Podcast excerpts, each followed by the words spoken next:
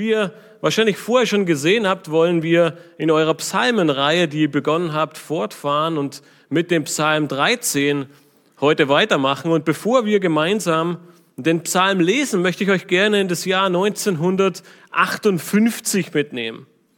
Im Dezember 1958 stieg nämlich ein amerikanischer Soldat im Norden Deutschlands in ein Schiff. Er trat seine Heimreise an und wollte von seinem Einsatz in Deutschland nach Amerika zurückkehren. Somit handelte es sich bei diesem Schiff um kein Passagierschiff oder einen Luxusliner, ein Kreuzfahrtschiff. Nein, es war ein Transportschiff der US-Marine. Und das Schiff, es legte ab und fuhr von Bremerhaven über die Nordsee in den Nordatlantik und nahm Kurs auf die Ostküste der Vereinigten Staaten von Amerika. Der Soldat, der beschrieb später seine Überfahrt als grauenvoll. Ständig schlugen hohe Wellen gegen das Schiff. Sie peitschten gegen den Rumpf und schlugen teils über das Schiff hinweg und überschwemmten zum Teil das ganze Deck. Er sagt, es war jeden Tag dasselbe und zu allem Überfluss gab es keine Aussicht auf Besserung. Egal wohin er sah, im Norden nur Wasser, im Osten nur Wasser, im Süden und im Westen ebenfalls nichts anderes außer Wasser. Er sagte, die einzige, Abfle die einzige Abwechslung, die sich im Boot war der große und laute Schiffsmotor, der rund um die Uhr brummte und einen beständig lauten Ton von sich gab. Ich habe mir beim Lesen dieser Geschichte die Frage gestellt, ob sich mein Leben, ob sich vielleicht dein Leben manchmal genauso anfühlt. Bist du manchmal in einer ähnlichen Situation und es scheint keine Hoffnung zu geben? Egal wohin man blickt, die Situation scheint ausweglos und wirklich düster zu sein. Oft brechen hohe Wellen in unser Leben herein und wir werden förmlich von ihnen erdrückt. Und egal, wohin wir sehen, es gibt keine Besserung in unserem Leben. Die Situation, in der wir uns befinden, sie scheint hoffnungslos zu sein. Der König David, der Mann nach dem Herzen Gottes, wie ihn das Alte Testament beschreibt, er befand sich an einem Zeitpunkt seines Lebens in einer sehr ähnlichen Situation und Lage. Scheinbar hat Gott ihn verlassen. Sorgen und Kummer, sie bestimmen seinen Alltag und seine Feinde, sie lauern ihm auf. Wir möchten uns heute den Psalm 13 gemeinsam ansehen und ihn lesen. Wenn ihr eure Bibeln dabei habt, dürft ihr gerne zu Psalm 13 blättern, um die Situation von David ein wenig zu verstehen, aber vor allem sein Handeln in dieser Situation, in der er sich befindet, erkennen. Der Psalm 13, er beginnt mit den Worten, dem Vorsänger ein Psalm Davids. Wie lange, o oh Herr, Willst du mich ganz vergessen? Wie lange verbirgst du dein Angesicht vor mir? Wie lange soll ich Sorgen hegen in meiner Seele, Kummer in meinem Herzen tragen, Tag für Tag? Wie lange soll mein Feind sich über mich erheben? Schau her und erhöre mich, o Herr, mein Gott. Erleuchte meine Augen, dass ich nicht in den Todesschlaf versinke, dass mein Feind nicht sagen kann, ich habe ihn überwältigt und meine Widersacher nicht frohlocken, weil ich wanke. Ich aber vertraue auf deine Gnade. Mein Herz soll frohlocken in deinem Heil. Ich will dem Herrn singen, weil er mir wohlgetan hat.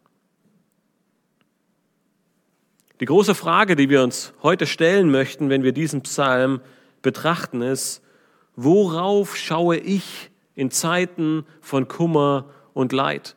Was ist meine feste Burg, mein fester Anker, mein Blick, wenn ich von Kummer und Leid überwältigt werde? Wenn Situationen in meinem Leben treten, die herausfordernd und schwierig sind und Kummer und Leid den Alltag bestimmen. Welche Fragen stelle ich mir genau in diesen Situationen? Und wir sehen in diesem Psalm, dass David wahrscheinlich sehr ähnliche Fragen stellt, wie viele von uns auch. Wie lange? Wie lange wird diese Situation wohl andauern?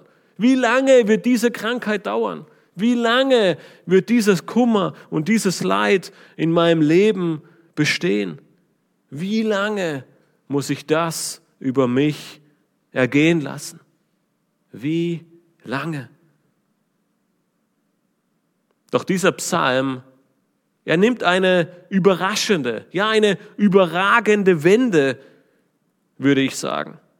Und so zeigt uns der König David, der Mann nach dem Herzen Gottes, in diesem Psalm 13 auf, welche Auswirkungen ein falscher Blick, welche Auswirkungen aber ein richtiger Blick in solch einer Situation haben kann und vor allem, was dieser grandiose Abschluss, diese grandiose Wende mit einem richtigen Blick selbst in Zeiten von tiefem Kummer und Leid bewirken kann. Wir dürfen lernen in diesem Psalm, welche großartige Konsequenzen ein richtiger Blick mit sich bringt. Lasst uns gemeinsam diesen Psalm betrachten und mit den ersten drei Versen beginnen, indem wir in gewisser Weise ein falsches Verhalten oder einen falschen Blick vor Augen geführt bekommen. Nun, der Psalm 13, er liefert uns keine, keinen Hinweis darauf, in welcher Situation sich der König David befindet. Weder der Text noch andere historische jüdische Überlieferungen sagen etwas über die Zeit und die Umstände dieses Psalms aus. Die, die Geschichtsschreibung des Alten Testaments beschreibt den König David allerdings sehr genau. Das heißt, wir wissen, dass König David in vielen schwierigen Situationen war, dass es viele Herausforderungen in seinem Leben gab und dass sein Leben zu vielen Zeiten von Kummer und Leid geprägt war. Die Verfolgung von König Saul, der Ehebruch mit Bathseba, die Intrigen in der eigenen Familie, den Tod mehrmals vor Augen, große Herausforderungen mit den Feinden Israels in vielen Kämpfen und Kriegen und viele Situationen mehr. Und in einer dieser Situationen schrieb König David diesen Psalm. Wenn ihr euch die ersten drei Verse in euren Bibeln nochmal genauer anseht, dann könnt ihr erkennen, dass eine Aussage viermal vorkommt in diesen drei Versen. Es ist wie lange oder bis wann. David, der beginnt diesen Psalm, indem er schreibt, wie lange, o oh Herr, willst du mich ganz vergessen? Wie lange verbirgst du dein Angesicht vor mir? Wie lange soll ich Sorgen hegen in meiner Seele, Kummer in meinem Herzen tragen, Tag für Tag? Wie lange soll mein Feind sich über mich erheben. Damit stellt David in diesen ersten drei Versen Gott vier Fragen, die alle mit diesem wie lange beginnen. Und wir sehen sehr schnell, dass er verzweifelt ist. Wir würden vielleicht heute sagen, in gewisser Weise, er lässt seinen Gefühlen freien Lauf. Und das kennen wir sicherlich nur zu gut aus unserem eigenen Leben, nicht wahr? Wie oft hast du dich gefragt, wie lang eine gewisse Situation in deinem Leben wohl noch dauern wird?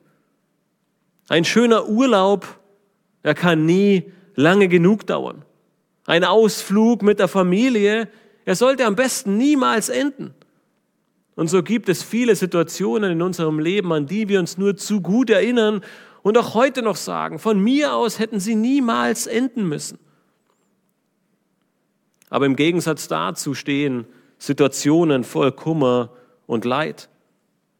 Jeder Tag, an dem wir krank sind, er kommt uns wie eine Ewigkeit vor, nicht wahr? Wir wünschen uns, so schnell wie möglich aus diesen Situationen entfliehen zu können. Stress, Trauer, Kummer, Erniedrigungen durch andere, vielleicht sogar Verfolgung und viele andere Situationen. Ja, wir fühlen uns manchmal von Gott verlassen. Und wir stellen uns die Frage, wie lange noch? Nun, ich möchte David nichts unterstellen, aber es erweckt den Anschein, dass auch er sich in gewisser Weise von Gott verlassen fühlte in diesen ersten Versen, in dieser Situation, in der er sich befand. Seine erste Frage in Vers 2, sie greift diese Tatsache auf, indem er seinen Herrn fragt, ob er ihn denn ganz vergessen will. Es drückt eine dauerhafte und andauernde Tatsache aus. David fragt mit anderen Worten, willst du mich andauernd und auf ewig vergessen, mein Gott? David, er fühlt sich in seiner Situation alleine gelassen. Ja, er fühlt sich vielleicht von Gott verlassen. Hat ihn sein Herr im Stich gelassen? Im zweiten Teil von Vers 2 macht das Gefühl der Verlassen, macht er das Gefühl von Verlassenheit auf eine andere Art und Weise deutlich. David fragt in seiner zweiten Frage, wie lang soll er sein Angesicht vor ihm verbergen? Nun, das ist ein sogenannter Anthropomorphismus. Ihr müsst euch dieses Wort nicht merken. Es drückt einfach, es gibt, es bringt nur zum Ausdruck, dass Gott menschliche Eigenschaften zugesprochen werden. Und diese menschlichen Eigenschaften, sie können dabei sowohl in der Gestalt als auch im Verhalten sich zeigen. Ihr alle kennt die Ausdrücke wie die Hand Gottes oder das Angesicht Gottes. Und das ist ein Ausdruck oder wir versuchen Gott menschliche Eigenschaften zu geben, um ihn für uns ein bisschen begreiflicher zu machen. Aber die Schrift gibt ihm auch manchmal menschliche Verhaltensweisen, indem wir lesen, Gott ruhte oder es reute Gott. In dieser zweiten Frage, die David nun Gott stellt, sehen wir, dass David ihm ein menschliches Verhalten gibt, nämlich das Abwenden seines Angesichtes.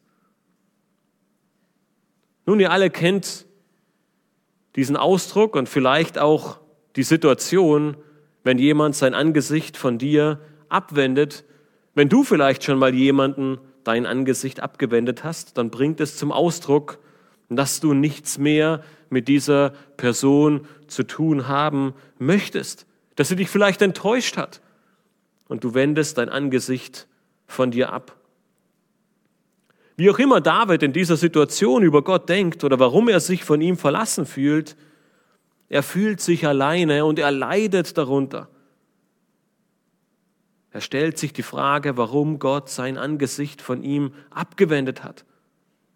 Nun, um diesen Ausdruck des Angesichtes Gottes ein bisschen besser verstehen zu können, müssen wir verstehen, was dieser Ausdruck im Alten Testament für eine Bedeutung hatte.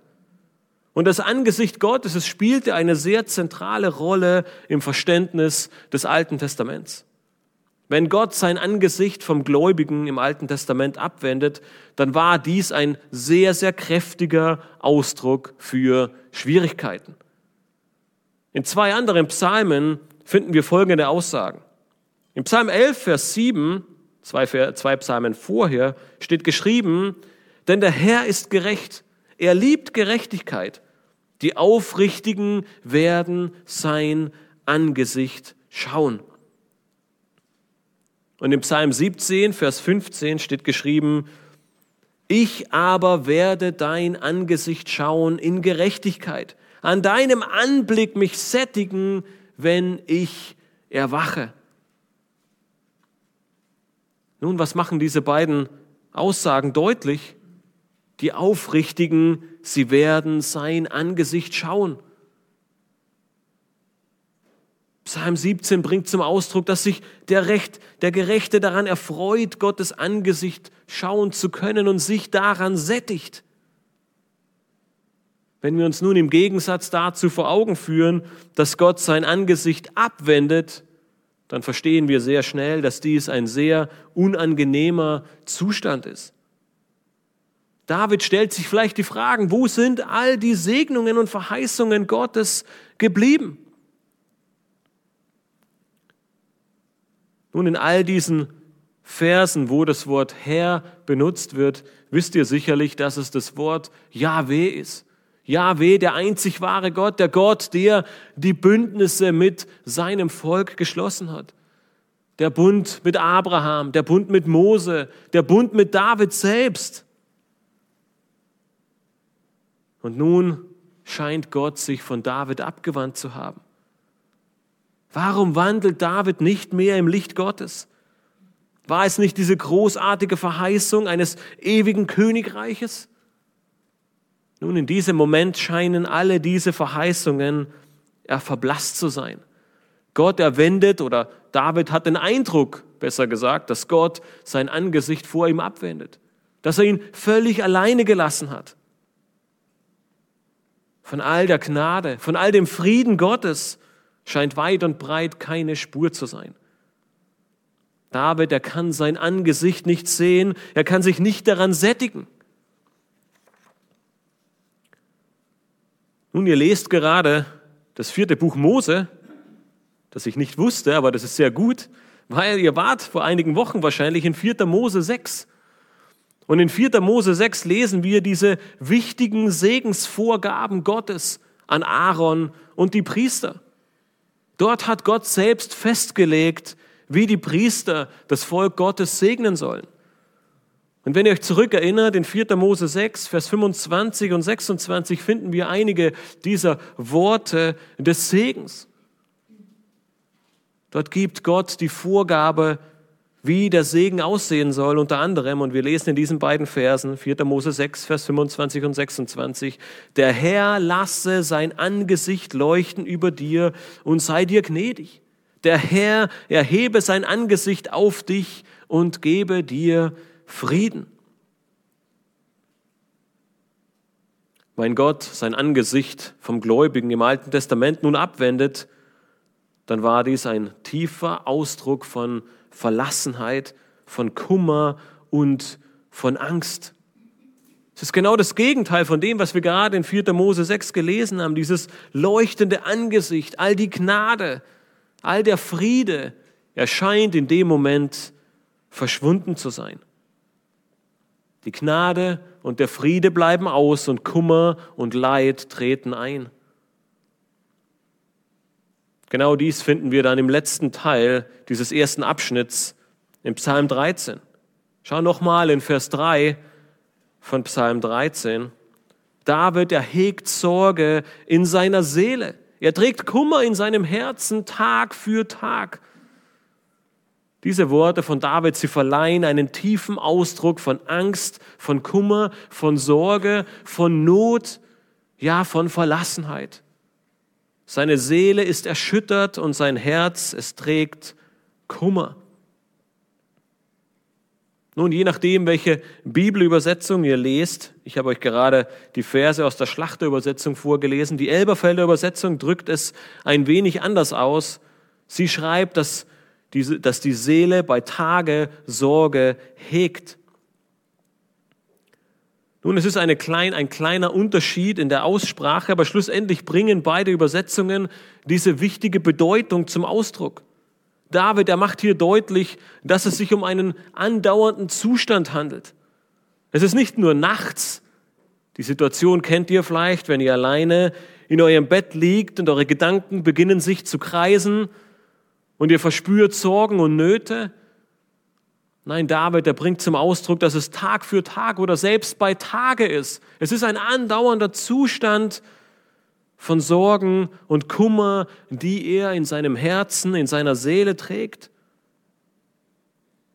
Und deswegen fragt er Gott in diesem, in diesem Vers 3, ob denn dieser Zustand des anhaltenden Kummers jemals wieder aufhören wird. Wie lange muss ich mich noch damit herumschlagen, Herr? Anhand dieser Wörter Seele und Herz können wir erkennen, dass es sich um innere Kämpfe handelt. Es war nicht nur äußeres Leid, das er ertragen musste, nicht nur körperliche Leiden, die er mit sich herumtrug. Nein, Kummer und Angst sind Schwierigkeiten, die mit unserem inneren Menschen zu tun haben, die unser Herz, die unsere Seele betreffen. Unsere Seele, sie bebt vor Angst. Wir hegen Sorge Tag und Nacht. Unser Herz beherbergt Kummer und Schmerz. Seine Feinde, sie bilden den Abschluss seiner Fragen. Am Ende von Vers 3 lesen wir den Ausdruck, wie lange soll mein Feind sich über mich erheben? Nun, ihr habt einige der Psalmen schon gehört und ihr werdet noch einige andere hören. Und in vielen Versen der Psalmen finden wir Anspielungen auf die Feinde Davids. Ausdrücke des Danks, wenn der Herr ihm Siege schenkte, Ausdrücke des Flehens, wenn er mit ihnen rang, und wie hier Ausdrücke der Angst oder Hoffnungslosigkeit, wenn es scheinbar keinen Ausweg aus der Umklammerung und der Übermacht seiner Feinde gab. Sie haben sich gegen David erhoben und er kann ihnen scheinbar nichts entgegensetzen. Sie sind übermächtig und ihr Ziel ist es, ihn in die Knie zu zwingen. Nun, wir leben in einem Land, in dem wir uns das nur bedingt vorstellen können. Wir leben in einem Land, in dem wir Krieg schon viele Jahre nicht mehr erleben mussten und dafür sind wir alle sehr dankbar. Vielleicht einige ältere Geschwister wissen das noch, aber die junge Generation kann sich nur bedingt vielleicht über die Medien vorstellen, was Krieg wirklich bedeutet. Wir leben auch in einem Land, in dem wir relativ frei unsere Meinung äußern dürfen. Auch dafür sind wir dankbar. Wir können unseren christlichen Glauben weitestgehend frei ausleben. Auch wenn es zunehmend schwieriger gibt und schwieriger wird und die ein oder andere Freiheit vielleicht eingeschränkt wird, aber in unserem Land ist es noch relativ frei möglich. Doch nicht allen Christen auf dieser Erde geht es so. Viele, sie bangen täglich um ihr Leben. Sie werden verfolgt und von ihren Feinden bedroht. Viele Gläubige auf dieser Erde können sich sehr gut, wahrscheinlich mit David im Psalm 13, oder sie verstehen sehr gut, was David im Psalm 13 meint, wenn er sagt, wie lange soll mein Feind sich über mich erheben? Nun, wir müssen uns vor Augen führen, dass es den Gläubigen fast zu allen Zeiten so ging. Wir bilden in gewisser Weise eine große Ausnahme. Petrus erwidmet einen ganzen Brief diesem Thema des Leids und der Verfolgung. Sein erster Brief ist voll davon, die Geschwister auf Kummer und Leid vorzubereiten und ihnen dabei den richtigen Blick mit auf den Weg zu geben. An einem Sonntagmorgen im Januar 2006 attackierten fünf junge Männer einen Pastor und Gemeindeleiter in der Türkei. Kamil Kiroglu, er war damals 29 Jahre alt, er hatte gerade seine Gemeinde verlassen, als er brutal von fünf Männern zu Boden geschlagen wurde. Sie haben mich gezwungen, Christus zu verleugnen, sagte er. Immer wieder, wenn sie mich zwangen, Jesus zu verleugnen und wieder ein Muslim zu werden, sagte ich, Jesus ist mein Herr. Je öfter ich sagte, Jesus ist mein Herr, desto härter wurden die Schläge. Einer der Angreifer, er zog dann ein langes Schwert und drohte dem Pastor, ihn zu töten, wenn er nicht Christus und seinen christlichen Glauben sofort verleugnet und zum Islam konvertiert. Nun, dies ist vielleicht eine Geschichte, die uns so in Deutschland hoffentlich nicht widerfahren wird. Und dennoch ist unser Leben in anderen Situationen geprägt von Kummer und Leid, nicht wahr? Vielleicht sind es Arbeitskollegen oder Freunde, Nachbarn, die Familie selbst, die einem das Leben schwer macht als Gläubiger, die nichts davon wissen wollen, dass du Jesus als deinen Herrn und Retter anerkennst. Vielleicht sind es Krankheiten oder andere Schwierigkeiten, eine andauernde Arbeitslosigkeit, die dir das Leben schwer macht. Krankheit, und andere Dinge, die uns in die Situation bringen, dass wir uns von Gott verlassen fühlen. Menschen, die sich gegen uns erheben und uns das Leben schwer machen. Oder auch all die Situationen und Herausforderungen der letzten Jahre, die uns zu schaffen machen. Und es kann der Moment kommen, an dem wir uns die Frage stellen, hat mich Gott in dieser Situation vergessen? Hat er vergessen oder sieht er nicht, wie schlecht es mir geht in diesem Moment? Nun ist Gott in all dem ungerecht? Ist Gott in all dem allabwesend? Oder hat er vielleicht Gefallen daran, dass wir als Gläubige leiden? Nun, ich hoffe, dass von jedem Einzelnen von euch diese Antwort mit ein, oder die Frage mit einem klaren Nein beantwortet wird. Nun, Gott hat keinen Gefallen daran, dass der Gläubige leidet. Gott ist auch nicht ungerecht oder abwesend in diesen Situationen. Aber die große Gefahr, gerade in Kummer und Leid und in Situationen, die herausfordernd für uns sind, besteht darin, dass unsere Gefühle die Herrschaft in unserem Leben übernehmen. Sie geben uns dann in diesen Momenten vor, was wir denken und was wir fühlen sollen. Doch unsere Gefühle sind manchmal auch sehr trügerisch und schnell kann es passieren, dass wir beginnen, sich um uns selbst zu drehen und in all den Problemen, in all dem Kummer und in all dem Leid zu versinken. Nun, ich will das König David nicht unterstellen. Ich kenne seine Gefühle und seine Herzenseinstellung in der Situation vom Psalm 13 nicht. Aber es scheint, dass es ihm in gewisser Weise sehr ähnlicher ging. Die Umstände, sie waren furchtbar. Die Situation, sie war grausam. Probleme über Probleme, Kummer und Leid dirigieren sein Leben. Es gibt keinerlei Hoffnung. Wo ist Gott? Wie lange her? Doch in diesen Momenten ist es wichtig zu wissen und sich vor Augen zu führen, dass Gott nicht außerhalb dieser Situation ist. Er ist nicht außer Kontrolle und er muss erst überlegen, was er am besten tun soll. Er wurde weder überrascht noch ist er schockiert von diesen Geschehnissen in deinem Leben. Nein, er hat sie zugelassen und er will sie nutzen. Und bevor wir in diesen Strudel von vielleicht Selbstmitleid, von Trauer, von einem falschen Gedanken und einem falschen Blick geraten, es ist deshalb wichtig, diesen Psalm 13 weiter zu lesen und weiter zu studieren und von David lernen zu können, dass es wichtig ist, unseren Blick in die richtige Richtung zu lenken. Ab Vers 4 ändert sich nämlich der Fokus von David radikal. Man könnte sagen, in den Versen 4 und 5 spricht David ein Gebet und fleht zu seinem Herrn mit den Worten, O Herr, mein Gott. Er sagt ab Vers 4, schau her und erhöre mich, o Herr mein Gott. Erleuchte meine Augen, dass ich nicht in den Todesschlaf versinke, dass mein Feind nicht sagen kann, ich habe ihn überwältigt und meine Widersacher nicht frohlocken, weil ich wanke. Bisher war Davids Blick in den ersten drei Versen sehr auf die Situation und die Umstände, ja in gewisser Weise auf ihn selbst gerichtet. Alles, wonach David fragte, drehte sich in gewisser Weise um ihn selbst und war sehr auf sein Leben, auf seinen Kummer, auf seine Sorgen und auf seine Nöte zentriert. Und somit gab es auch keine Aussicht auf Veränderung, keine Hoffnung in Sicht. Doch nun bittet er Gott, auf ihn zu sehen, ihn zu erhören und ihm seine Augen zu erleuchten. Er betet zu Gott, er möge sein Angesicht wieder zu ihm wenden. Er soll auf ihn sehen. Nun, David, er beginnt und ist sich sicher, dass Gott sein Leben erneuern kann und ihm einen neuen Sinn geben kann.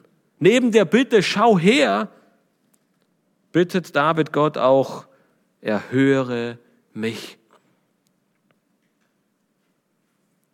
Er fleht zu Gott, dass er ihn mit all seinen Sorgen und Nöten erhören soll. David, er ist sich sicher, dass Gottes Erhörung des Flehens und eine Antwort seinerseits definitiv positive Einflüsse auf Davids Leben hätte. Gottes Antwort würde seinem Knecht einen neuen Blick auf seine Sorgen und den Kummer seines Herzens schenken. Im zweiten Teil von Vers 4 stellt David die dritte Bitte an Gott. Er bittet ihn, seine Augen zu erleuchten. Nun, mit diesem Ausdruck der erleuchteten Augen ist ein Lebendigmachen oder ein Belebtwerden gemeint. Wenn bei einem Menschen Schwierigkeiten oder schwere Situationen weichen und er mit Gottes Fürsorge, mit seinem Frieden und mit seiner Gnade gesegnet wird, dann wird sein innerlicher, geistlicher Zustand an seinem äußeren Erscheinungsbild sichtbar werden. Nun, ein sehr eindrückliches Beispiel davon finden wir bei Jonathan in 1 Samuel 14, Vers 27.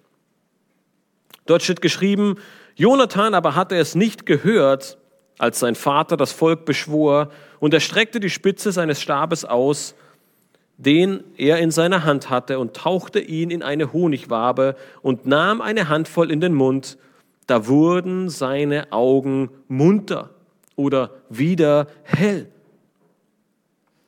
Nun, Jonathan, um euch kurz die Geschichte zu erklären, er kam von einem anstrengenden Kampf gegen die Philister in eine Gegend, die voll von Honigwaben war.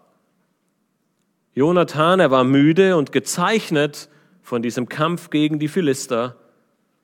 Und obwohl er es eigentlich nicht sollte, weil König Saul eine andere Idee hatte, das ist aber ein bisschen zu viel der Geschichte, streckte er seinen Stab, den er in seiner Hand hatte, in eine Wabe voll mit Honig und kostete von diesem Honig. Und was passierte ist, sein Körper, er wurde mit neuer Energie gefüllt. Der Zucker im Honig und der Honig selbst, sie brachten seine Lebensgeister wieder zum Vorschein. Und 1 Samuel 14, 27 sagt, seine Augen, sie wurden wieder munter, sie wurden wieder erhellt. Und genau dies wünscht sich nun König David in seiner Situation. Er fühlt sich wie erschlagen. Er fühlt sich dem Tod nahe. Die Sorgen und die Nöte, sie haben ihn schwer gezeichnet. Und er bittet nun Gott, seine Augen wieder zu erleuchten, ihn wieder zu beleben und seine Segnungen an ihm zum Wirken kommen zu lassen. Sein Wunsch ist es, durch die erleuchteten Augen nicht in den Todesschlaf zu versinken. Er fleht zu Gott, ihm beizustehen und durch sein Eingreifen und seine Segnungen wieder zur Besinnung zu kommen. Er will nicht zugrunde gehen. Im Psalm 31, Vers 17 verwendet David dasselbe Wort nochmal, wenn er schreibt, lass dein Angesicht leuchten über deinem Knecht, rette mich durch deine Gnade. Wir sehen hier eine ähnliche Situation. David, er hatte wieder Schwierigkeiten, doch er vertraut dem Herrn und er bittet ihn, sein Angesicht über ihm leuchten zu lassen. Vers 4 endet mit, O Herr, mein Gott. Es ist ein tiefer Ausdruck auf die Erhabenheit und die Größe Gottes. Das, was wir vorhin zu Beginn des Gottesdienstes auch besungen haben, diese Größe und Erhabenheit Gottes sich vor Augen zu führen, zu erkennen, wer Gott wirklich ist. Und in dieser Aussage unterordnet sich der große König David unter seinem Herrn, der nicht nur sein Herr, sondern auch sein Gott ist. Dieses Gebet, es ist in gewisser Weise ein Hilferuf. David, er wendet sich an Gott, er sieht auf ihn und er fleht nach seinen Verheißungen. David, er bittet Gott, ihm zu helfen, damit seine Feinde sich nicht über ihn stellen, damit sie ihn nicht überwältigen und sie nicht frohlocken werden.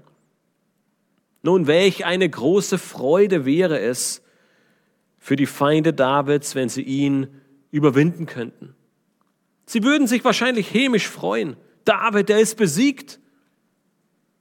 Aber ihre Freude, sie liegt dabei nicht nur darin, König David zu besiegen, den Mann nach dem Herzen Gottes, sondern ihre Freude wäre mindestens genauso groß, auch Gott einen Fehler ankreiden zu können. Der allmächtige Gott, der scheinbar nicht fähig ist, der es scheinbar nicht für möglich machen kann, seine Bundesverheißungen an David zu halten. Sie haben nicht nur David besiegt, sondern sie haben den allmächtigen Gott besiegt. Welch eine Freude wäre das in ihrem Leben. In ihren Gedanken und Vorstellungen hätten sie damit den großen König David und gleichzeitig auch seinen allmächtigen Gott niedergerungen und besiegt. Wir sehen am Ende von Vers 5, dass David wankt. Er schreibt, weil ich wanke. Doch in diesem Wanken, in dieser herausfordernden Situation hat David eine äußerst wichtige Entscheidung getroffen. David hat aufgehört, auf sich zu sehen, hat aufgehört, seinen Blick nur auf sich und die Situation zu richten, sondern er hat begonnen, seinen Blick auf Gott zu wenden. Kannst du den großen Unterschied in diesen Versen erkennen?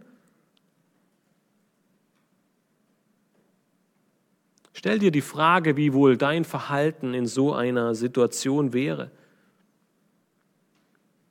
Würdest du auf Gott blicken oder würdest du eher auf deine Situation, auf die Probleme, auf die Herausforderungen richten? All die Schwierigkeiten, die sich vor einen auftürmen und immer größer werden. Oder würdest du wie David, der anfänglich seinen Blick in die falsche Richtung gelenkt hat, aber nun ihn auf Gott richtet? Nun, jede Münze, sie hat zwei Seiten, wie ihr wisst. Und so ist es auch hier. Kummer und Leid sind Situationen im Leben, die niemand genießt. Kummer und Leid ist kein Moment, an dem wir uns erfreuen und den wir herbeiwünschen, aber sie sind Teil unseres Lebens. Und genau in diesen Situationen dürfen, ja sollen wir uns diesen wunderbaren Psalm vor Augen führen. Wir dürfen uns an diese Worte Davids erinnern und wie David unseren Blick in die richtige Richtung lenken. Nun, die Situation, sie wird sich vielleicht nicht ändern. Die Situation Davids änderte sich auch nicht. Die Schwierigkeiten und Herausforderungen, sie waren immer noch da. Die Feinde, sie lauerten ihm immer noch auf. Aber nun, da David seinen Blick auf Gott richtet, konnte er anfangen, mit der Situation völlig anders umzugehen. Anstatt nur noch auf sich und die Herausforderungen zu blicken, schaute er auf Gott. Und eines wird dabei deutlich. Wir können in unserem Leben alles verlieren. Unsere Familie, unseren Wohlstand, unsere Gesundheit, all die Annehmlichkeiten, unser Haus, unser Auto, unsere Freunde. Aber eines kannst du niemals verlieren, nämlich Gott. Wenn du vielleicht heute Nachmittag hier sitzt und keine Freunde, Freude in deinem Leben hast, wenn Kummer und Leid deinen Alltag bestimmen, wenn Krankheit dich niederschlägt, wenn es andere Situationen sind, die dein Leben schwer machen, dann möchte ich dir zurufen, dass du wie David deinen Blick auf Gott richten kannst. Bete und bitte darum, dass er deine Augen von neuem erleuchtet, dass er dir hilft, den Blick in die richtige Richtung zu lenken, dass er dir hilft, in dieser Situation, in der er dich gestellt hat, um dich näher zu ihm zu führen, dass du auf ihn siehst und rufen kannst wie David, O Herr, mein Gott. Denn wenn du deinen Blick von dir abwendest und im Gebet auf den Herrn siehst, auf dich ihn wirfst und ihn anflehst, dass er dir hilft, dann kann und wird das zu einem sehr verblüffenden Resultat in deinem Leben führen. Und das ist der letzte Vers, mit dem Psalm 13 schließt. Es ist das Resultat eines richtigen Blickes. Schau nochmal in Vers 6 von Psalm 13. David, er fängt in diesem letzten Vers von, von Psalm 13 mit einem Ich aber an. Das drückt eine deutliche Veränderung in seiner Sichtweise aus. Zu Beginn sprach er noch zu Gott und fragte ihn mit vier, wie lange? Ob es denn immer so weitergehen wird. Er war völlig hoffnungslos und er drehte sich in gewisser Weise um sich selbst. Nun sagt er in Vers 6, ich aber vertraue auf deine Gnade. Mein Herz soll frohlocken in deinem Heil. Ich will dem Herrn singen, weil er mir wohlgetan hat. Ich aber vertraue auf deine Gnade. Obwohl Schwierigkeiten, obwohl Verzweiflung, obwohl Not, seine Feinde in seinem Leben herrschten, gibt er nicht auf. Er wankt, aber er knickt nicht ein. Warum? Weil er beginnt, seinen Blick auf den Herrn zu richten und vertraut auf seine Gnade. Er lässt es nicht zu, er will sich nicht weiter von seinen Umständen und Gefühlen überwinden lassen. Doch nicht aus sich selbst heraus. Er ist nicht wie Münchhausen, der versucht, sich an seinem eigenen Schopf aus dem Dreck zu ziehen. Nein, er sieht auf Gott. Er fleht zu ihm. Und vor allem, er vertraut ihm. Gottes Gnade ist einer seiner wunderbarsten Eigenschaften. Und wenn es keine Not, wenn es keine Probleme, ja, wenn es keine, so hart es klingt, Sünde geben würde, dann hätten wir Menschen wahrscheinlich nie Gottes Gnade wirklich verstanden. In seiner überreichen Barmherzigkeit ist er jeden Menschen gegenüber gnädig. Wir lesen das unter anderem im Psalm 145, Vers 9. Dort steht geschrieben, der Herr ist gütig gegen alle und seine Barmherzigkeit waltet über allen seinen Werken.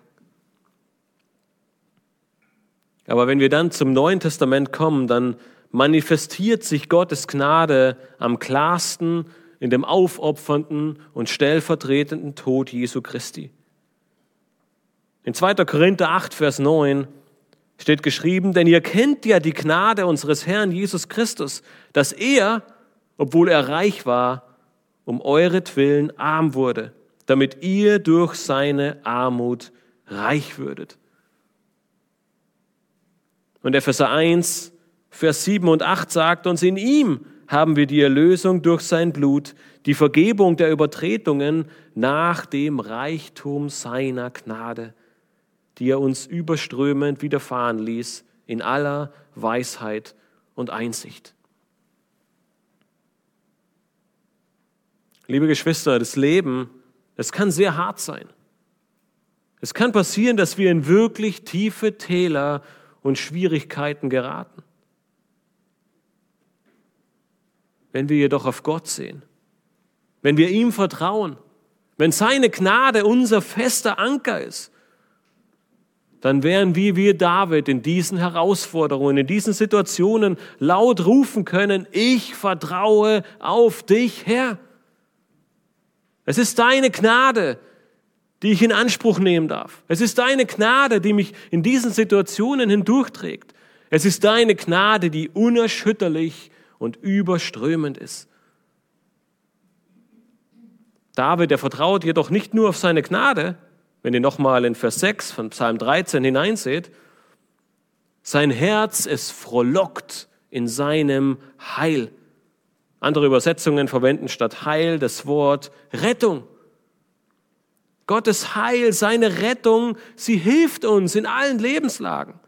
Es ist eine Zusicherung der Fürsorge Gottes. Eine Zusicherung in jeder einzelnen Sekunde deines Lebens. Als David dies verstanden hat, konnte sein Herz nichts anderes als darüber frohlocken. Und lasst uns an dieser Stelle kurz Vers 6 mit Vers 3 vergleichen. Fällt euch etwas auf? Die Veränderung seines Blickes, sie führte zu einer gravierenden Veränderung in seinem Herzen. In Vers 3 war sein Herz voll von Kummer und Sorgen. Und nun kann er fröhlich sein, er kann frohlocken in Gottes Heil und seiner Rettung. Er konnte den Sieg über seine Umstände feiern, weil er angefangen hat, auf Gott zu sehen. Sehr schnell sind wir angefochten. Sehr schnell sind wir verzweifelt. Ja, vielleicht versinken wir sogar manchmal in unsagbarem Selbstmitleid. Wenn wir jedoch auf Gott sehen und wenn wir verstehen, wer Gott ist, wenn wir erkennen, wie großartig Gottes Gnade ist, und wenn wir mehr und mehr in unserem Leben verstehen, was Gottes Heil, seine Rettung für unser Leben gebracht hat, dann sehen wir diese väterliche Fürsorge für uns. Dann sehen wir, dass Gott uns niemals fern ist, wenn wir an ihn glauben. Dann sehen wir, dass Gott in jeder Sekunde unseres Lebens bei uns ist. Und dann können wir in unserem Herzen frohlocken und voller Freude sagen, ich vertraue meinem Gott. Nun, wir würden denken, was kann es noch Größeres geben? Doch der Vers ist nicht zu Ende. Die letzten Worte von Vers 6 im Psalm 13 sagen uns, ich will dem Herrn singen, weil er mir wohlgetan hat. Das ist das größte Geschenk der Gnade Gottes. Gott schenkt David die ultimative Hoffnung. Der Psalm 13 war ein Beginn des Schreckens, voll Trauer, voll Leid und Not, hoffnungslos und ohne Aussicht auf Veränderung. Mit vier wie lange her bringt David seine Hoffnungslosigkeit zum Ausdruck. Und nun am Ende dieses Psalms singt David und besingt David die Wohltaten Gottes. All der Kummer, all das Leid, all die Schwierigkeiten, sie sind nicht verflogen. Sie sind alle da. Gott hat nicht alle Probleme Davids gelöst. Doch David hat seinen Blick auf ihn gerichtet, auf einen Gott, der allmächtig, auf einen Gott, der allwissend, auf einen Gott, der souverän ist, auf einen Gott, der alles unter seiner Kontrolle hält. Und so darf David, so darfst du gewiss sein, dass, auch in, dass dies auch in jeder einzelnen Situation deines Lebens zutrifft und dass er dir in jeder einzelnen deiner Situationen wohltun möchte. Selbst wenn gerade der schlimmste Lebenssturm in dein Leben bricht, wenn du in eine Zeit voll Not und Kummer und Leid geraten bist, es gibt Hoffnung und du findest sie in der Gnade und Rettung des Herrn. Könnt ihr euch noch an den türkischen Pastor erinnern? Ich habe versucht, die Spannung ein bisschen aufzubauen, aber kann euch beruhigen. Er überlebte den Überfall und nach dem Überfall sagte er, ich preise Gott. Warum hat er gesagt, ich preise Gott? Er fährt fort und sagt nicht, weil er mich aus dieser Situation errettet hat, nicht weil er mich vor dem Tod bewahrt hat, sondern weil er mir geholfen hat, ihn nicht zu verleugnen, weil er mir geholfen hat, mitten im Schatten des Todes auf ihn zu blicken und meine Hoffnung auf ihn zu richten. Joseph Parker, er sagt über Psalm 13, der Psalm beginnt im Winter und endet im Sommer. Er beginnt mit gedämpfter Stimme und Kummer und endet in grenzenlosen Vertrauen und Lob. Nun, ich denke, auch in deinem Leben wird es unweigerlich diese Wintermonate geben. Es werden Anfechtungen, Leid und Kummer auftreten und vielleicht sogar über dich hereinbrechen. Und die große Frage, aber auch die große Hoffnung, die uns Psalm 13 mit auf den Weg gibt, ist, wohin werden wir in diesen Situationen unseren Blick richten? Auch wenn es manchmal schwierig ist, auch wenn es herausfordernd ist. Und wir sehen im Leben von David in diesem Psalm, dass es nicht von Beginn an der Fall war. Doch er hatte sich zu einem Punkt in seinem Leben, zu einem Punkt in dieser Situation an Gott erinnert und wendet seinen Blick ab von ihm und wendet ihn hin zu Gott. Er dankt ihm in der Stunde seiner Not und ruft ihn auf, ihm zu helfen, seinen Blick auf ihn zu richten, seine Augen von neuem zu erleuchten und damit sein Herz zu verändern. Und so können auch wir heute uns dieser großen Hoffnung und dieser Freude erfreuen. Wir dürfen darauf blicken und es ihm gleich tun. Nicht auf unser Problem sehen, sondern auf den, der über unserem Problem steht. Uns erfreuen an der Gnade Gottes und dem Heil unseres Schöpfers und Erlösers. Wir dürfen lernen, gerade in diesen Situationen unserem allmächtigen Gott zu vertrauen und sich an ihm zu erfreuen. Und wenn wir dies tun, dann dürfen wir wie David rufen, ich singe dem Herrn, weil er mir wohlgetan hat. Nun, vielleicht denkst du dir, das ist alles schön, aber für mich scheint das etwas Unmögliches zu sein. Das war David, der Mann nach dem Herzen Gottes. Aber ich, ich bin klein und unscheinbar, ich kann das nicht. Nun, und ich möchte dir heute Nachmittag zurufen, nein, das ist nicht so. Du kannst es genauso wie König David, weil es Gott ist, der ihm das ermöglicht hat, weil Gott derjenige ist, der ihm die Kraft und die Möglichkeit dazu gegeben hat. Gott hat dir alles gegeben, was du brauchst. So beginnt Petrus seinen zweiten Brief. Er hat uns alles geschenkt, was wir zu einem Leben in Gottes Furcht brauchen. Und er hat uns noch etwas anderes Wichtiges gegeben. Und Dies, dies, was er dir gegeben hat, siehst du, wenn du deinen Kopf nach links und rechts drehst. Er hat die andere Geschwister in dein Leben gestellt. Er hat die andere Gläubige gegeben, die dir helfen. Und gerade in den Situationen, wo es am schwierigsten ist, brauchen wir einander umso mehr. Also wenn du denkst, du schaffst es nicht, dann sprich mit anderen Geschwistern, teil deine Sorgen und Nöte mit ihnen, bete mit ihnen gemeinsam und lies in der Schrift, Psalm 13 oder andere Stellen. Und wie bei David wird Gott auch dir Veränderungen in deinem Herzen schenken. Auch wenn die Umstände schwierig sind, der Herr, seine Gnade und seine Errettung werden dir Trost schenken. Trost, der dich wie König David zum Frohlocken führt. Nun, was wurde eigentlich aus dem amerikanischen Soldaten auf dem Transportschiff? Er berichtete am Ende, dass sich die Situation plötzlich völlig änderte. Im Osten und Süden gab es immer noch nichts anderes als Wasser, doch als er seinen Kopf erhob und in den Westen blickte, war plötzlich etwas zu erkennen. Die Freiheitsstatue der Vereinigten Staaten von Amerika begann sich aus dem Wasser zu erheben.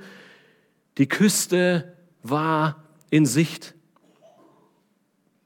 In unserem Glaubensleben kann es manchmal sehr ähnlich sein. Die Wellen der Anfechtung, sie zwingen uns in die Knie und wir sehen nichts als Kummer und Leid. In allen Richtungen scheint es keinen Ausweg zu geben und keine Aussicht auf Veränderung. Scheinbar schläft Gott oder hat uns ganz verlassen. Doch wie in diesem wunderbaren Psalm von David können wir sehen, dass wir einfach nur einen falschen Blick hatten. Der Soldat, der hätte nicht die schlimmste Überfahrt seines Lebens erleben müssen. Doch das Einzige, was er tat, ist, er sah auf die Situation und die Umstände, in denen er war, und es gab keine Hoffnung für ihn. Erst als es besser wurde, hatte er plötzlich wieder Hoffnung.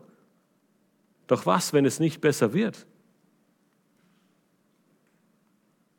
Wie der Soldat auf dem Transportschiff der US-Marine drehen wir uns manchmal um uns selbst und vergessen für einen kurzen Moment, dass es jemanden gibt, der über dieser Situation, der über all dem Kummer und über all dem Leid steht, nämlich Gott selbst. Deswegen ist der Aufruf und diese, diese Herrlichkeit dieses Psalm 13 so wunderbar, denn in dem Moment, wo David seinen Blick auf Gott richtet, ändert sich alles. Nicht die Situation, nicht die Umstände, nicht das Leid, nicht die Kummer, nicht der Not, nicht die Angriff seiner Feinde, aber sein Herz richtet sich von neuem auf Gott aus. Und selbst mitten in dieser Not frohlockt er, singt und jubelt laut dem Herrn. Wenn auch du wie David in so einer Situation steckst oder vielleicht in Zukunft stecken wirst, dann erinnere dich an diesen Psalm. Lies ihn durch und wende dich wie David an Gott. Schau auf denjenigen, der niemals von deiner Seite weichen wird, der dich nie im Stich lassen wird. Wirf all deine Sorgen auf den Herrn und bitte ihn, dich zu erhören und von neuem zu erleuchten. Seine Gnade und sein Heil werden dir Trost geben und dir eine ewige Hoffnung Gottes vor Augen führen. Wenn wir am Ende auf unser Leben zurückblicken, dann werden wir erkennen, dass jede einzelne Situation unseres Lebens stets nach seinem göttlichen und wunderbaren Plan zu unserem Besten verlaufen ist, auch wenn wir das manchmal in der Situation nicht verstehen. Petrus erschreibt in seinem ersten Brief an verfolgte Gläubige, die in mancherlei Anfechtungen und Nöten steckten.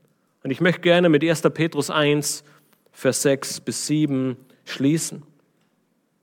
Petrus erschreibt, jubelt darüber, die ihr jetzt eine kurze Zeit, wenn es sein muss, traurig seid in mancherlei Anfechtungen, damit die Bewährung eures Glaubens, der viel kostbarer ist als das vergängliche Gold, das durchs Feuer erprobt wird, Lob, Ehre und Herrlichkeit zur Folge habe bei der Offenbarung Jesu Christi.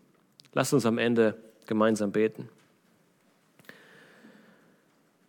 Himmlischer Vater, wir möchten dir von Herzen danken, dass wir dein Wort in Händen halten dürfen. Herr, dass du uns in deinem Wort nicht nur dich offenbart hast, dass wir erkennen dürfen, wie groß und herrlich und wunderbar du bist, sondern dass uns dein Wort in so vielen Situationen des Alltags Rat gibt, Herr. Dass wir wie David im Psalm 13 lernen dürfen, unseren Blick in den Situationen, in denen es uns so schwer fällt, in den Situationen, in denen wir uns so unangenehm fühlen, in den Situationen, in denen wir uns wünschen, so schnell wie möglich fliehen zu können, dass wir unseren Blick auf dich richten und von neuem erkennen dürfen, wie herrlich und großartig deine Gnade ist, wie wunderbar es ist, deine Errettung vor Augen haben zu dürfen und dass wir wie David mit voller Freude ausrufen dürfen, O Herr, mein Gott, ich aber vertraue auf deine Gnade, dass wir singen dürfen selbst in diesen Situationen,